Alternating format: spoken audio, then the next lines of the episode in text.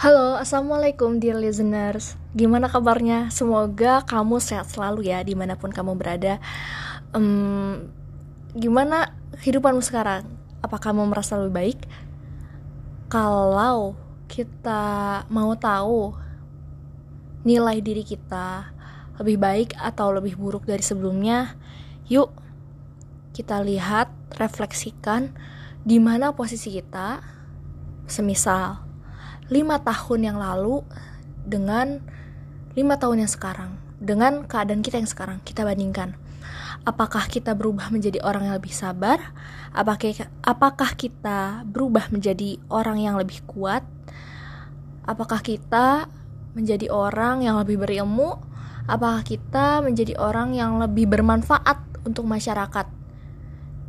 Antara diri kita dengan diri kita yang lima tahun lalu. Ya so uh, aku harap semuanya telah mengalami fase-fase yang dapat memahat kepribadian yang tetap yang dapat memahat pengalaman yang dapat memahat pemikiran uh, sehingga kita semua telah mencapai di titik bukan yang terbaik tapi setidaknya yang lebih baik dari titik-titik di mana kita awal berpijak dahulu. Oke, okay. sebetulnya uh, kita santai aja di sini. Aku mau cerita sedikit. Kalian pernah gak sih dengar eh, kata-kata, eh, giliran nangis aja, giliran sedih, giliran down, baru ke Allah. Giliran happy happy, lupa sama Allah. Dasar emang manusia. Nah, ada ini tuh kata-kata yang unik banget karena sejatinya memang manusia membutuhkan Allah dalam situasi apa pun. Ketika kita seneng, kita mengucap alhamdulillah, kita mengingat Allah pada kala itu. Dan ketika kita sedih, kita berdoa, kita bersimpuh ke Allah. Jadi sebetulnya memang uh, orang yang seperti itu yang, nyat yang nyatanya melupakan tuh ada. Yang nyatanya melupakan uh, keberadaan Tuhan melupakan kasih sayang Allah. Ketika beliau senang ketika mereka bersenang-senang itu ada. Tapi tahu nggak sih ada yang lebih mengerikan dibanding mengingatkan orang dengan kata-kata seperti itu? Karena muncul persepsi yang namanya gengsi. Gengsi untuk untuk uh, meminta kita kan biasanya suka gengsi ya sama orang tua untuk ngucap sayang, untuk untuk ngucap I love you mama, I love you papa. Kita tuh gengsi banget ya malu aja gitu malu karena duh udah gede masa masih sayang masih kayak anak kecil sih sayang sayangan masih ngelendot gitu. Hmm, walaupun sebenarnya memang kita tuh sebesar apa pun kita sedewasa apa pun kita kita memang harus bersikap di depan orang tua sebagai anak yang di mana ya harus dimanja yang harus uh, di, disayang yang perlu yang perlu memerlukan perhatian yang ingin diatur dengan aturan yang sangat rinci yang mendetail like ya ibu-ibu Asian parent tuh kan gitu kan ya. Nah kadang kita tuh gengsi gitu sama orang tua tapi kata-kata yang tadi yang kayak giliran sedih aja baru ke Allah giliran jatuh aja baru ke Allah giliran di titik terendah baru ke Allah. Hello pas lagi seneng-seneng lo ke mana aja? Gitu. Uh, kayaknya ada yang salah juga deh kalau kita ngingetin kawan kita dengan kata-kata itu. Karena hmm, karena ketika orang dengar kayak gitu tuh muncul persepsi lain ya di mana menimbulkan ketakutan menimbulkan takut rasa takut untuk uh, meminta lagi ke Allah. Ketika lagi bayangin ya waduh gue lagi down nih. Gue lagi down gue lagi jatuh-jatuhnya gue lagi hidup gue lagi hancur.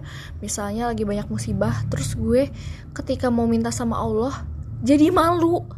Karena takutnya ya Allah hamba cuma ingetnya ingat sama sama sama engkau cuma pas aku lagi sedih doang pas lagi jatuh doang pas lagi pas lagi ambruk doang.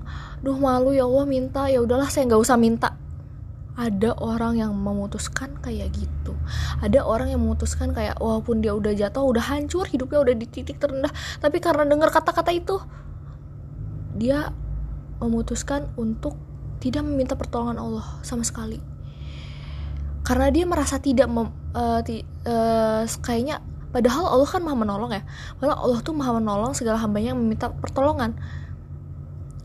Uh, dalam surah al-fatihah sendiri maka sembahlah aku kemudian uh, mintalah pertolongan kepadaku. Nah tapi orang-orang justru bahkan jangankan mau menyembah meminta tolong juga nggak mau gitu. Jangankan mau minta tolong menyembah aja ujung-ujungnya jadi nggak mau juga. Ini sangat bertimbal balik yang menghasilkan stigma bahwa satu-satunya orang yang bisa menolong kita tuh dia sendiri. Enggak. Satu-satunya orang yang bisa satu-satunya yang bisa menolong kita tuh cuma Allah. Tapi orang yang menentukan pilihan-pilihan yang ada di hidup kita itu diri sendiri. Jadi uh, buat kawan-kawan yang masih ngerasa gengsi ketika meminta apa pun sama Allah minta umroh, minta kaya, minta jadi du, minta ada duit, minta jadi orang kaya, minta jadi borju, minta minta Lamborghini apa segala macam, mintain aja ke Allah, nggak perlu gengsi. Ataupun misalnya kalian lagi di titik terendah dan ngerasa kayak jangan-jangan emang bener nih gue datang ke Allah tuh cuma pas titik terendah doang. Kayaknya kita harus lunturin deh gengsi itu. Kita siapa sih? Sampai menafikan kekuatan Allah yang maha besar yang bisa ngasih kita segalanya yang bisa menciptakan bumi dan langit. Masa kita gengsi sama orang yang maha uh, maksudnya bukan orang. Maaf masa sih kita gengsi sama zat yang maha pemurah yang maha masih yang maha memberi kita rizki? Yang kalau ada itu hitungan tuh orang ngitung oksigen per hari itu berapa per tabung itu tuh masya allah sekali banyak banget yang harus kita keluarkan kalau bisa kita buat bernafas. Tapi Allah kasih itu gratis. Terus kita masih gengsi gitu. Buat meminta pertolongan di titik terendah kita. Jadi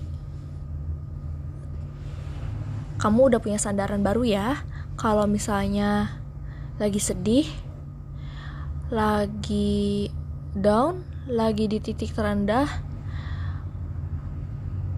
hmm, bisa jadi kamu belum menemukan bahwa satu-satunya yang bisa tolong kamu itu Allah.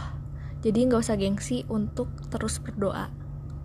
Makasih udah dengerin podcast aku kali ini. Uh, thank you for listening. Uh, merci, arigatou gozaimasu. Syukran. Wassalamualaikum warahmatullahi wabarakatuh.